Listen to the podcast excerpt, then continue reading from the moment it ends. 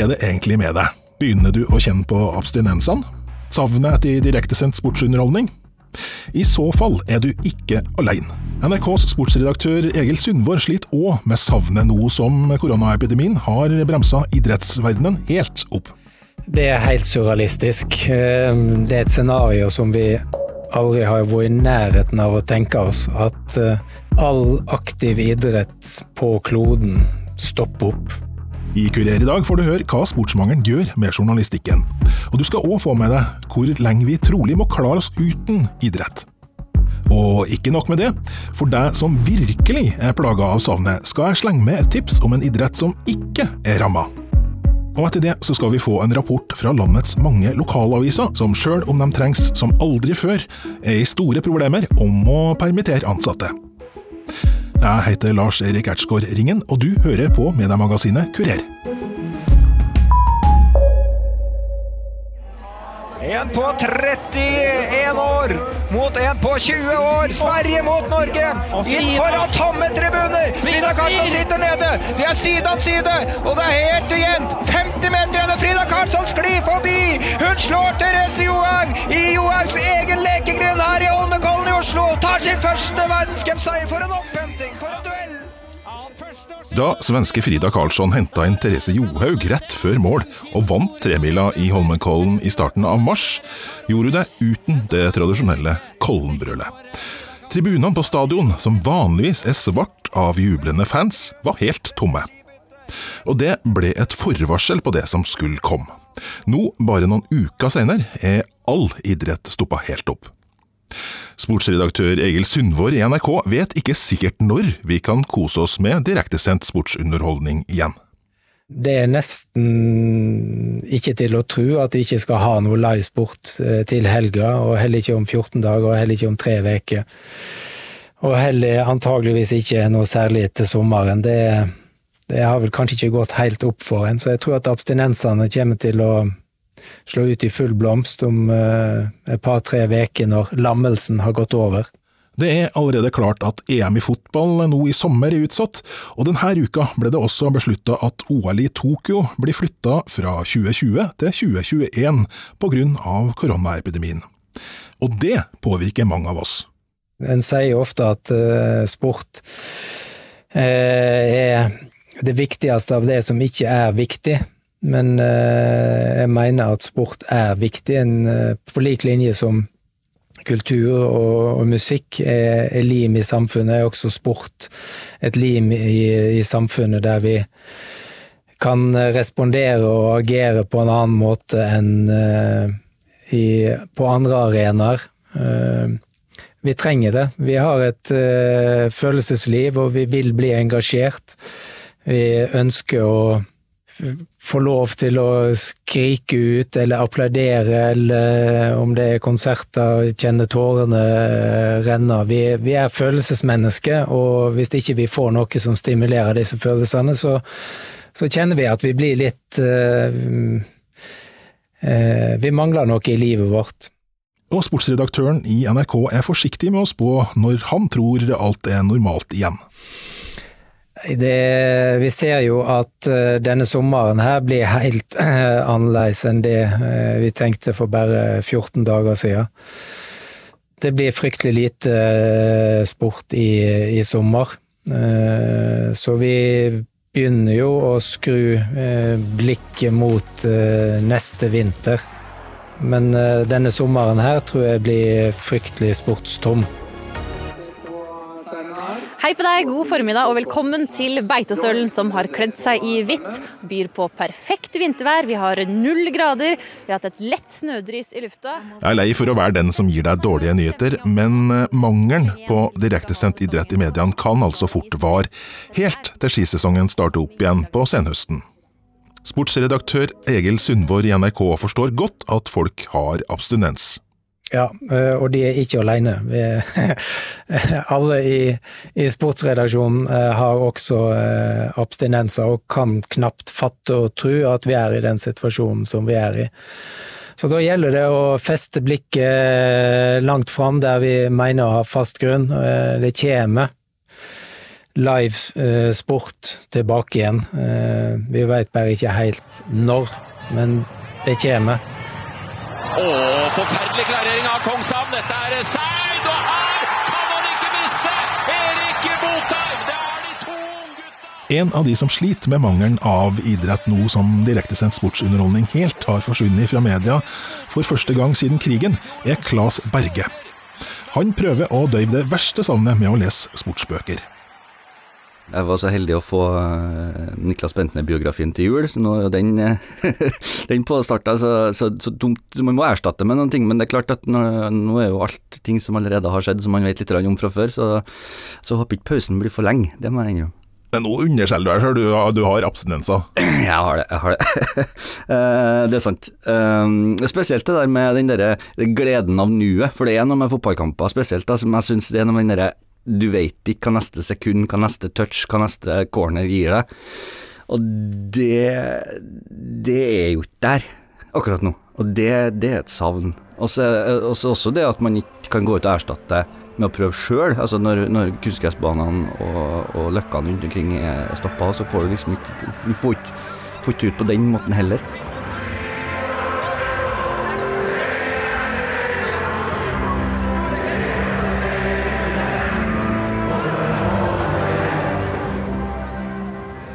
Klas liker de fleste former for sportsunderholdning, særlig de greinene der norske utøvere gjør det godt, sjølsagt.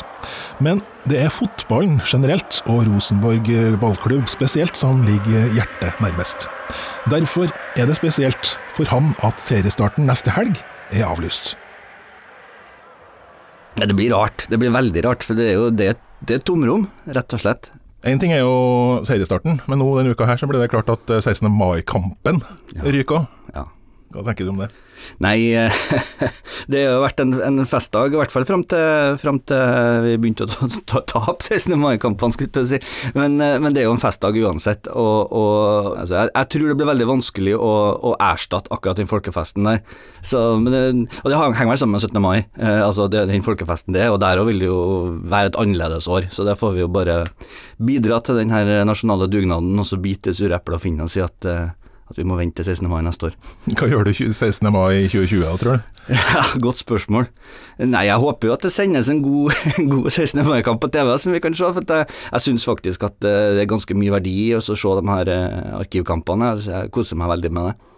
I mangelen av nye sportsarrangement har flere norske medieselskap nå dukka ned i arkivene sine for å finne fram gylne sportsøyeblikk som vi kan trøste oss med mens vi venter, deriblant NRK.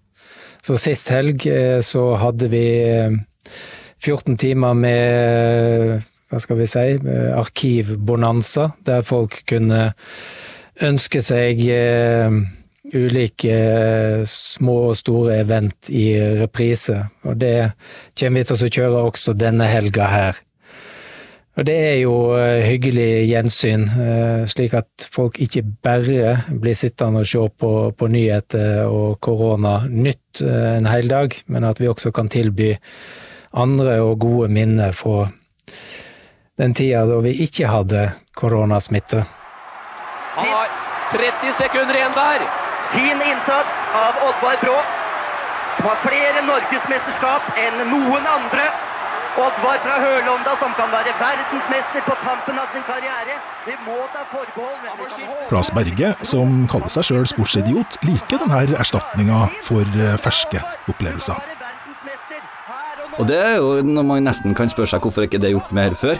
For all verden hvor herlig det er å se igjen disse godbitene fra, fra gode, gamle dager. Eh, og det, vi lærer mye av det også. Altså å se både hvordan fotballen har utvikla seg.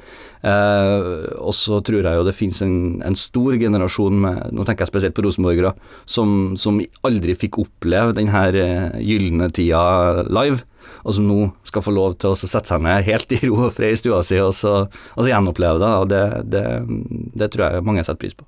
Men hvordan påvirker den ekstraordinære situasjonen journalistikken i norske media?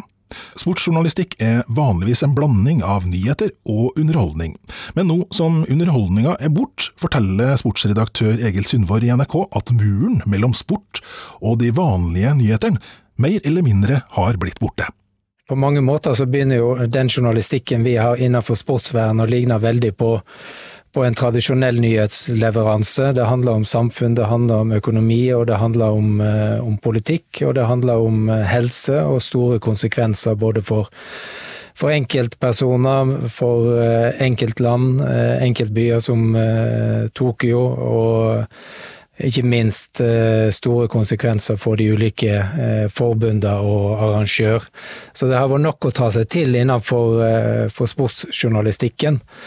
Men den daglige dekninga av aktiv idrett er det jo helt slutt på. Sportsidiot Klas Berge er glad for at redaksjonene lager ting, tross alt.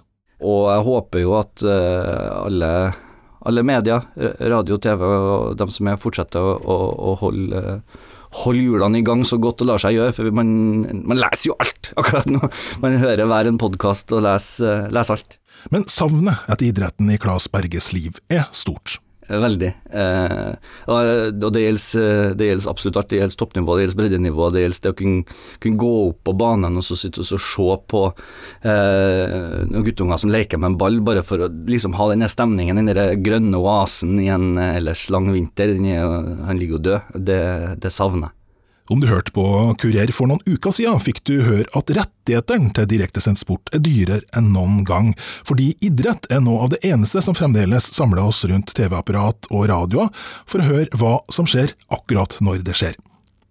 Nå som alle sportsarrangement har stoppa helt opp, betyr det at dem som har brukt mange millioner kroner på å få rett til å kringkaste sportsarrangement som EM i fotball og OL, har en utfordring, forteller Egil Sundvår i NRK. Vi eh, fikk jo ikke utnytta de siste vinterrettighetene eh, der vi skulle ha avslutning i Holmenkollen med skiskyting.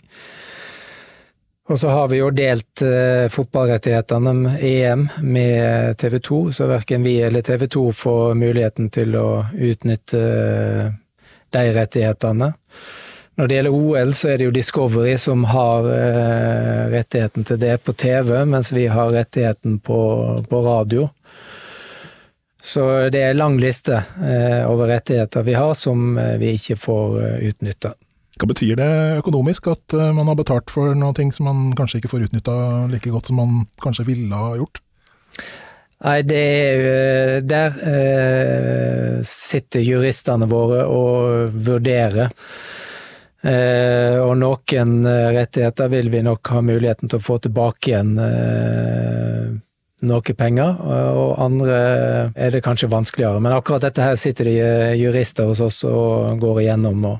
Viktig også det at de ikke viser dem for mye respekt, til tross for at de er underdogs her nå. Men viktig at de har troa på egne ferdigheter og troa på at de kan få frags på sånne type plays som det der. At de ikke gir dem altfor mye, alt for mye rom og spillemuligheter, da. For da, da kommer Apex til å, til å bite hardt fra seg. Uten tvil. I starten av dette programmet så lovde jeg deg å komme med et tips om en idrett som koronaviruset ikke har klart å sette en stopper for. Mitt navn er Ola Solheim, jeg er prosjektleder for e-sportsatsingen til TV 2. E-sport er en samlebetegnelse for idrett der utøverne konkurrerer med å spille dataspill mot hverandre. Dette er en raskt voksende form for sportsunderholdning i verden, og TV 2 har rettighetene til å sende kamper i spillet Counter-Strike, som er en av de største grenene. Men hvorfor er ikke e-sport stoppa av koronaviruset? Eh, det er kort forklart at de kan spille online, så lagene sitter nå enten i sine hjemmekontor eller hjemme på soverommet sitt og spiller over nett og spiller de offisielle kampene på den måten, da. Nå som e-sport nærmest har monopol på det å tilby direktesendt idrettsunderholdning, håper prosjektleder Ola Solheim i TV 2 at det skal gi dem et gjennombrudd her i Norge. Vi behandler CS og e-sport på akkurat samme måte som vi behandler sykkel eller fotball. Det er sporten som er første prioritet.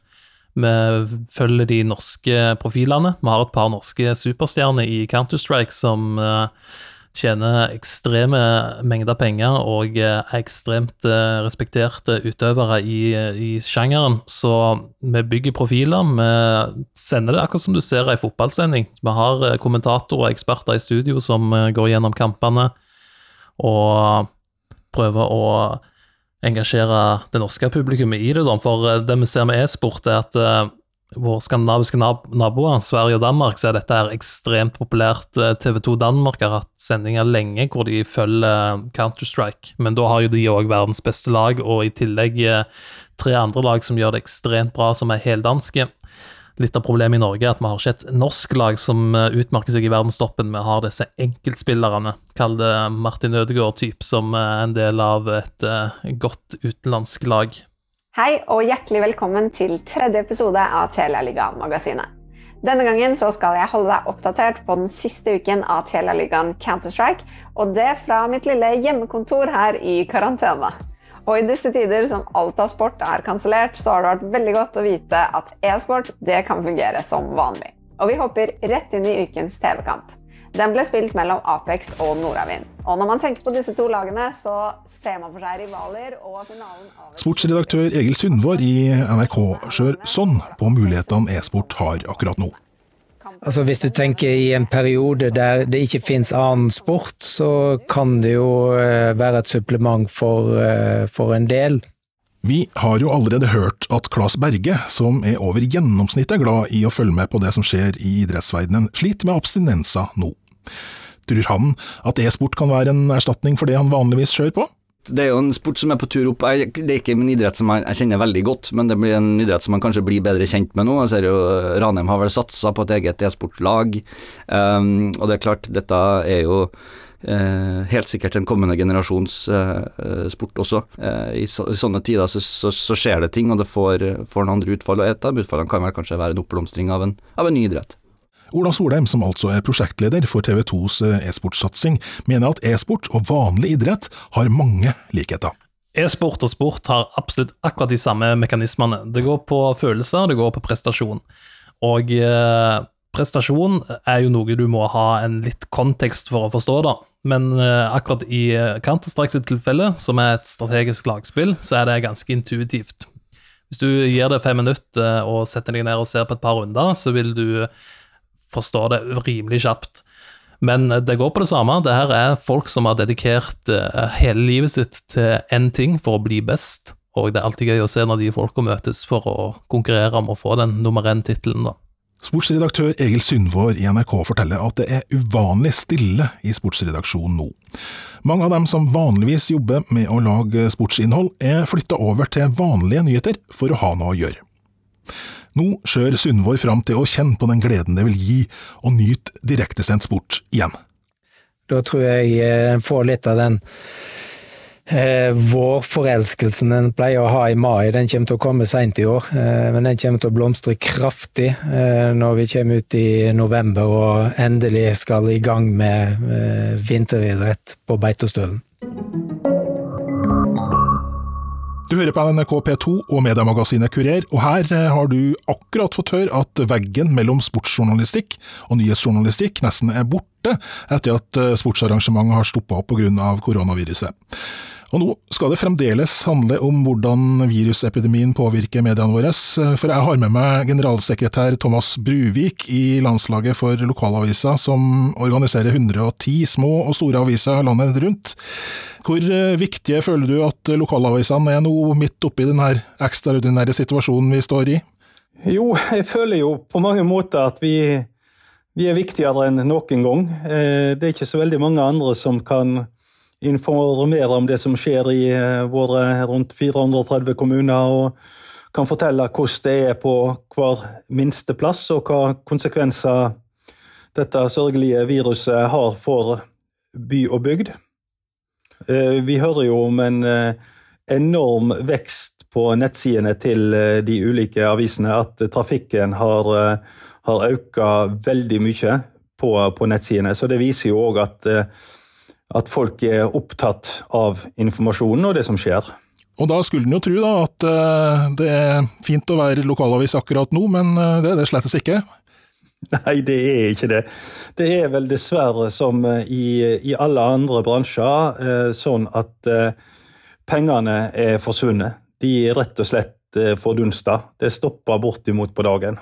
Hvor skulle pengene ha kommet fra, som ikke kommer nå, da? Nei, det er jo sånn at de aller fleste av våre medlemmer de har uh, høye annonseinntekter uh, som finansierer journalistikken. Altså det er Enten du er ren nettavis eller papiravis, så er det veldig mye annonsene som finansierer det som blir skrevet. Og uh, når da det ikke skjer et eneste arrangement i i, i bygdene våre, og butikkene begynner å stenge, så er det jo ingenting å annonsere, og da forsvinner jo òg annonsekronene våre. Dere i landslaget for lokalavisa har gjennomført en spørreundersøkelse for å se nærmere på hvordan denne situasjonen påvirker avisene deres. Hva sier resultatet?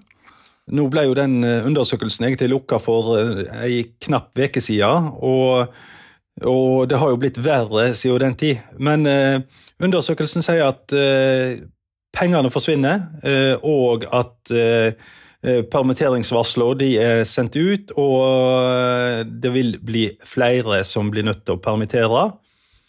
Det er vel sånn kort fortalt.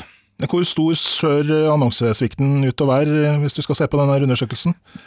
Nei, nå altså, Allerede i starten så, så sier over eh, 70% at mer enn 50% av eh, inntektene er vekke.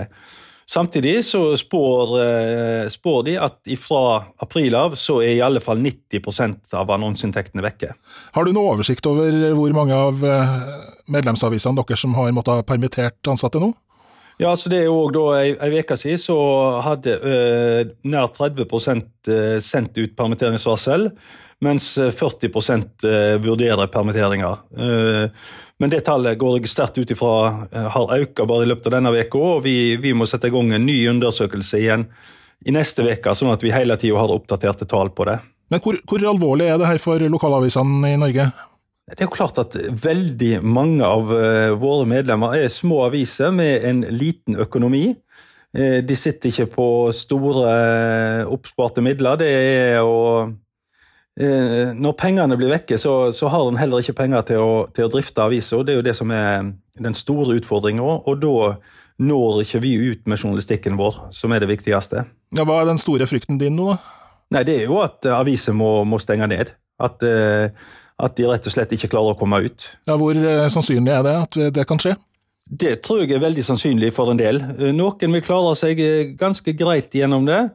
Eh, noen vil slite seg gjennom det, og noen kan nok stå i fare for å, å måtte eh, gi opp. Og så er det jo et problem. Vi, vi oppmår jo på det sterkeste om at avisene òg må prøve å klare å gi ut papirutgavene sine. Det er jo òg eh, en utfordring oppi dette. Flere vurderer å stoppe den for å spare penger, men da er det jo den gruppa, spesielt med litt voksne lesere, som da faktisk ikke får noen lokal informasjon. Og Det er vel verdt å merke seg at eh, det nettopp er den gruppa som kanskje er mest utsatt for det her viruset, som er mest avhengig av papiraviser, antageligvis?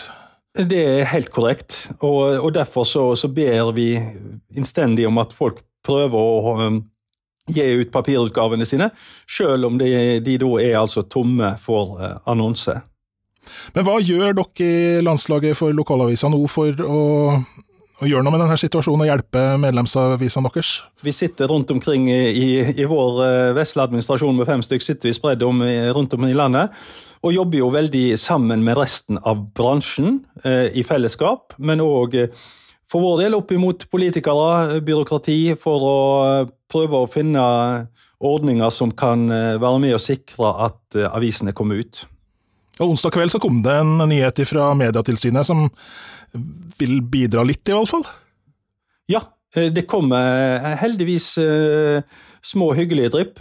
Det er jo det at penger blir utbetalt tidligere til de som får pressestøtte. Eh, og I tillegg så er det kommet en, en fin vekst i pressestøtta til de minste lokalavisene i, i år, som, som, er veldig bra, eh, men som var tidligere vedtatt. Så Det er ikke nye penger, men penger som blir betalt ut tidligere, som i alle fall hjelper at eh, en klarer å holde det flytende lenger. Så, så det, vi er glad for alt det Vetle som kommer i dag. Det, det gleder vi oss over. Ja, ja, Det er nok til at permisjonsvarsler kan bli trukket tilbake enkelte plasser, eller?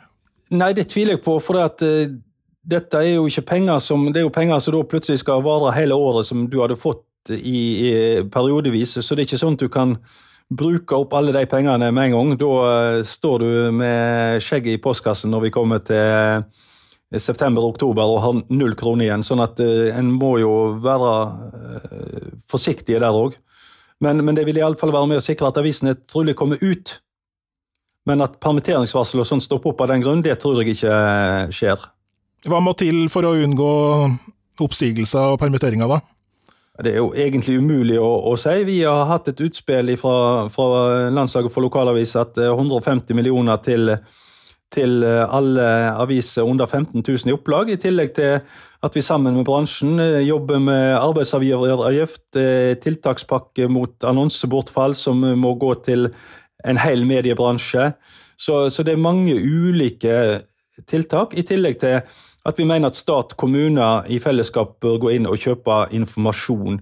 Altså annonsere også i, i, eh, i avisene, eh, og ikke bare på, på TV, radio.